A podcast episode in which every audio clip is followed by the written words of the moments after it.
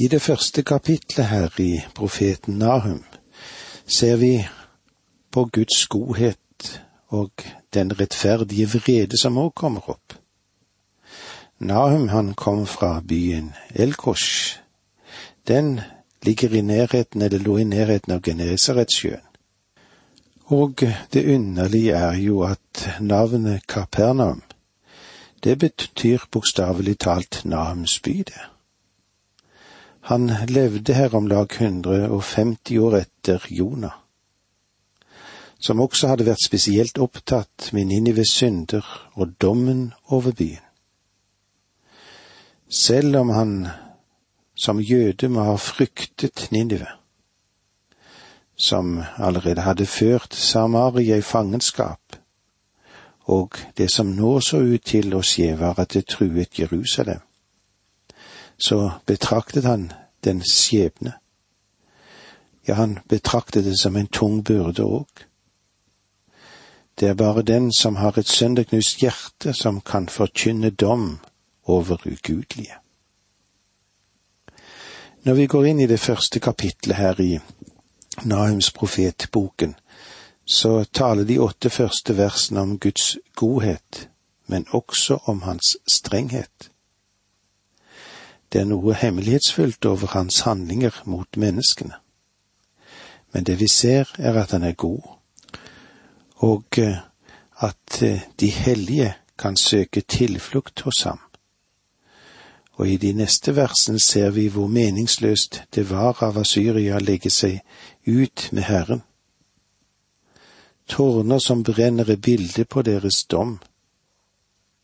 Når prøvelsene rommer, må vi ikke glemme å holde våre løfter. Og i det første verset her i Nahums profetbok leser vi slik. Domsord mot Ninive. Boken om de syne navn fra Elkosh fikk. Ninive, det var en by som Gud elsket. Det sa han jo til Jonah. Jonah ønsket å ødelegge denne byen, men Gud sa, skulle da ikke jeg være bedrøvet over storbyen Ninive, hvor det bor mer enn tolv ganger ti tusen mennesker som ikke vet forskjell på høyre og venstre, og hvor det også finnes en mengde dyr, som det står i Jonaboken i det fjerde kapitlet vers elleve. Gud ønsket å spare byen og folket i den og mange av de folkene som bodde der, de var barn. Og Gud hadde spart Ninive. Men nå vil dommen falle over denne store byen. Det er det som er Nahum sitt budskap.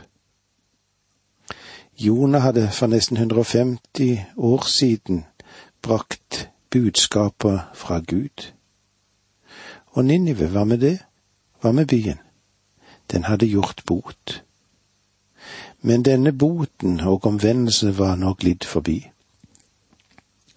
Gud hadde tålmodig gitt nye generasjoner anledning til å gjøre bot. I vers tre her i dette kapitlet så står det Herren er langmodig, men hans kraft er stor, og han unnlater ikke å straffe. Gjennom storm og uvær går hans vei. Skyer er støvet under hans fot.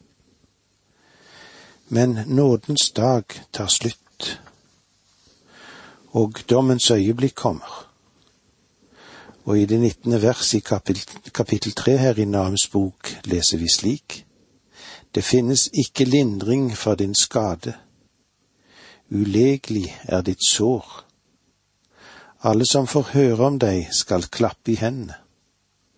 For hvem har ikke gang på gang blitt rammet av din ondskap? Med andre ord er Ninive kommet til det punktet at det finnes ingen helbredelse for dem.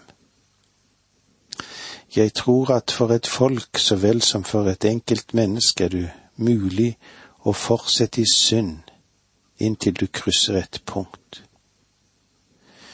Jeg vet ikke hvor det punktet er, og jeg vil ikke heller late som om jeg er i stand til å si når det finner sted, men det finnes en slik grense. Når du passerer den grensen, så er det ikke fordi at Guds nåde ikke kan nå deg, men at du ikke kan nå Gud av den enkle årsak at du er kommet til det ditt punkt at du har forherdet deg, og vantroen har tatt grobånd i ditt hjerte. Og eh, når det skjer, så er det ikke lett å endre kurs. Dette kan være sant om et folk, og det kan være sant om det enkelte mennesket. Det kan være sant kanskje for en som sitter og lytter til dette akkurat nå. Når du reflekterer over det som hender i dag, så kan det være grunn til å bli motløs. Og jeg er helt sikker på at mange av Guds folk er urolige i dag. Og jeg tror at det er en av grunnene til at det er så stor interesse omkring spørsmål om profeti. Og noen av disse profetiske tolkningene, de kan være ganske ville, de. Forklaringen er at Guds folk, likegyldig til Guds ord, strekker seg desperat etter noe på grunn av alt det som hender i dagens samfunn. Herren sa det selv, slik som det står i Lukas 21, 26. Mennesket skal forgå av redsel og gru for det som kommer over jorden, for himmelrommets krefter skal rokkes. Vi er kommet til det planet nå. Vi er kommet inn i denne spesielle bane. Disse tingene gjør oss urolige, men la oss forstå at Gud fremdeles har sin hånd over verden. Det er Gud som styrer. Det er Gud som har kommandoen fremdeles. Tingene har ikke glippet ut av hans hender. Gud sitter ikke nå på kanten av sin trone og biter negler. Nei, han er ikke nervøs i dag for det som skal hende. Gud, han gjennomfører sin plan og sin hensikt, og han overstyrer menneskets synd. Og dette burde jo være en trøst for Guds barn i denne tiden. Assyria hadde tjent Guds hensikt og står altså for fall. Nineves ødeleggelse rettet i detaljer som ble gitt i denne nedtegnede profetien, kan nesten ta pusten fra oss. Dette er derfor et budskap til trøst for et folk som lever i frykt for en mektig og gudløs nasjon. Gud vil tukte og om nødvendig rasere en gudløs nasjon. Og alt det du behøver å gjøre, det er å åpne historieboken din og eh, begynne å lese fra begynnelsen av denne skrevne historie. Og du vil se at enhver stor verdensmakt, den gikk under. Og de gikk under i en tid da alt de var innstilt på, var kvinner, vin og sang. Når et folk når en slik grense, ja, da kan du være sikker på at den er på glid, og at den snart vil gli ut i mørket. Og det er der verdens tidligere store nasjoner også har rent sine dager. Boken om de syne navn fra Elkosh fikk. Dette er alt vi vet om forfatteren av denne boken, og det har jeg tatt litt tid på meg for å forklare i introduksjonen.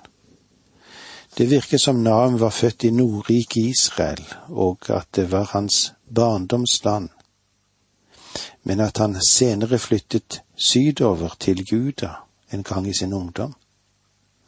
Han hadde stor bekymring for Nordriket, og det virker som han var i live da folket ble ført i fangenskapet til Asyria. Budskapet hans er om den dom som kommer over Ninive. Og med disse ordene sier vi takk for nå, må Gud være med deg. Dette undervisningsprogrammet består av to deler. Åge Nevland fortsetter nå med andre del av dagens undervisning. Vi er i profeten Nahum. Nahums profeti var jo at Ninive skulle ødelegges fullstendig. Vi kjenner òg til at Jonah hadde advart byen mot de farer som de utsatte seg for, men så viser det seg at de gled bort ifra den Herre Jesus, og så kommer det et nytt budskap, og hvordan det rammer både små og store. I det andre verset i kapittel én i profeten Nahum leser vi slik. En nidkjær og hevnende Gud er Herren, ja, Herren tar hevn og er full av herme. Herren lar hevnen gå ut over motstanderne. Han holder på vreden mot sine fiender. Nidkjær betyr at han følger opp vedtak. Gud er en nidkjær Gud, og han krever at hans folk tilber ham alene. Når et folk derfor, uansett hvem de er, venner seg til avgudsdyrkelse, alt det som står Gud imot, og når de selv hengir seg til det, så er Gud nidkjær. Jeg kan av og til høre mennesker si det er bare en hårsbredds forskjell mellom Guds nidkjærhet og menneskets nidkjærhet. Det er ikke så mye forskjell som de vil påstå. For i annen Mosebok kapittel 20 vers 3-6 leser vi slik. Du skal ikke ha andre guder enn meg. Du skal ikke lage deg noe gudebilde, eller noe slags bilde av det som er oppe i himmelen eller nede på jorden, eller i vannet under jorden. Du skal ikke tilbe dem og ikke dyrke dem. For jeg, Herren din Gud, er en nidkjær Gud. Jeg lar straffen for fedrenes synd komme over barn i tredje og fjerde ledd, når de hater meg. Men jeg viser miskunn i tusen ledd mot dem som elsker meg og holder mine bud. Gud elsker deg. Det betyr ingenting hvem du er. Du kan ikke komme utenfor hans kjærlighetssirkel. Men du kan komme til et punkt der du ikke vil oppleve Guds kjærlighet. Når du slår opp en paraply over synden, da vil Guds kjærlighets solskinn ikke falle på deg, men den er fremdeles der for deg. Du kan slå opp likegyldighetens paraply, og eh, du kan slå opp motviljens paraply, og da vil du ikke gjøre det han vil. Det finnes mange paraplyer du kan slå opp og holde Guds kjærlighet borte fra skinnet på deg. Men én ting kan du ikke gjøre, du kan ikke avholde ham i å elske deg, for du har med en kjærlig Gud å gjøre. Gud elsker deg. Det betyr altså ingenting hvem du er. Du kan ikke komme utenfor hans kjærlighetssirkel. Siden Gud elsker deg, så har han nidkjær overfor deg.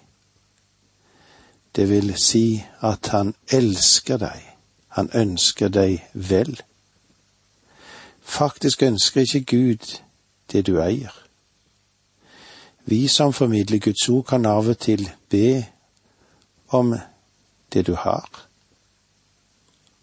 Faktisk skulle jeg ønske at jeg ikke behøvde å minne mennesker om noen givertjeneste. Det er ikke noe som jeg liker å formidle dette. Jeg ønsker å formidle Guds godhet, Guds kjærlighet. Om vi bare fikk Guds folk til å være med og dekke de utgifter som denne tjenesten krever, så skulle de aldri høre at de hadde sagt noen ting om dette. Men du skal være klar over, Gud ønsker ikke det du har. Gud ønsker deg. Og han er nidkjær når du gir deg selv, din tid, dine midler, og alt det du måtte ha. Når du gir deg selv hen til synd, så er Gud nidkjær. Gud sier ganske klart, Jeg er en nidkjær Gud. Jeg ønsker deg, jeg ønsker ikke å dele med deg med verdens synd og med djevelens skarer og med avgudsdyrkerne. Jeg vil ikke dele deg, jeg vil at du skal tilhøre meg. Det er ingenting galt med at Gud sier at han er nidkjær, og Nahum understreker at Gud er nidkjær. Og det er jeg glad for at han er.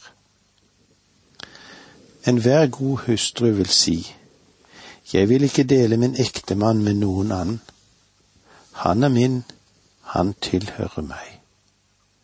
Og slik også omvendt forholdet til ektemann og ekte hustru.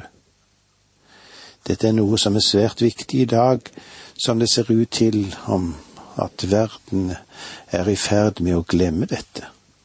Hvem er det som eier oss? Jeg vil ikke dele min ektemann eller ekte hustru med noen annen.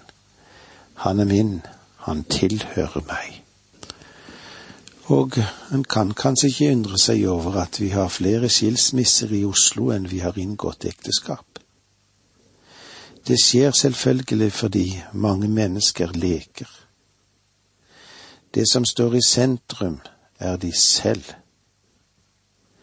Det er forbrukersamfunnet overført på den viktigste enheten vi har i samfunnet, nemlig familien. Om du vil bli elsket, og om du elsker, så vil det både være nidkjærhet og sjalusi der det følger den virkelige kjærligheten, det. En hevnende Gud er Herren, ja, Herren tar hevn og er full av harme. Bibelen sier det slik. Hevnen er min. Jeg vil gjengjelde, sier Herren i Romerbrevet 12,19. Gud sier til deg, og han sier til meg, grav deg ikke ned i hevn fordi du vil aldri være i stand til å behandle den rett. Overgi den til meg. Jeg vil utvirke den uten noen urettferdig vrede. Jeg handler i rettferdighet. Jeg vil gjøre det rette, og jeg kjenner alle sakens enkeltheter.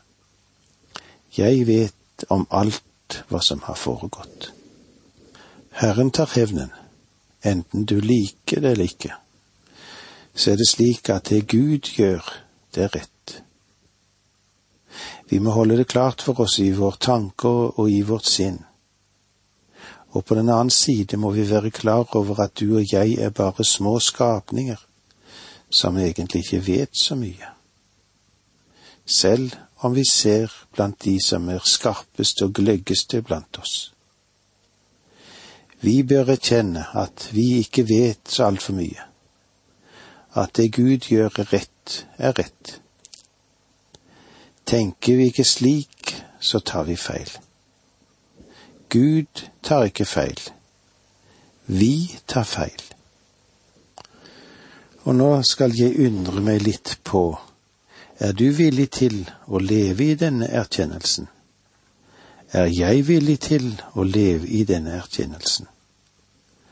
Om ikke, ja, så vil vi komme i vanskeligheter i forhold til Gud, for det er mange ting han ikke vil fortelle verken deg eller meg. Han går simpelthen foran og handler. Det er han som driver dette universet, og han gjør det på sin måte og jeg vet at vi har mange maktsyke mennesker rundt omkring i verden, også de som er folkenes ledere. Men eh, de holder ikke på så lenge. Hitler varte ikke så lenge, og det gjorde heller ikke Mussolini og Stalin. Andre som preger forsiden i dagens nyhetsbilde, vil bare få en liten enspalter om kort tid. Ja, om de i det hele tatt kommer til å få noen spalteplass. Får jeg lov til å si det at Gud er fremdeles på tronen, og han styrer verden etter sin egen plan. Gud er full av harme. Gud tar ikke lett på menneskets synd. Nei, Gud avskyr synd. Gud er full av harme mot synd. Herren lar hevnen gå ut over motstandere, han holder på vreden mot sine fiender. Gud blir også herliggjort når han dømmer en nasjon, som vi spesielt legger merke til om vi leser Esekiel 38 og 39. Da Syria gikk under, ble Gud herliggjort gjennom det.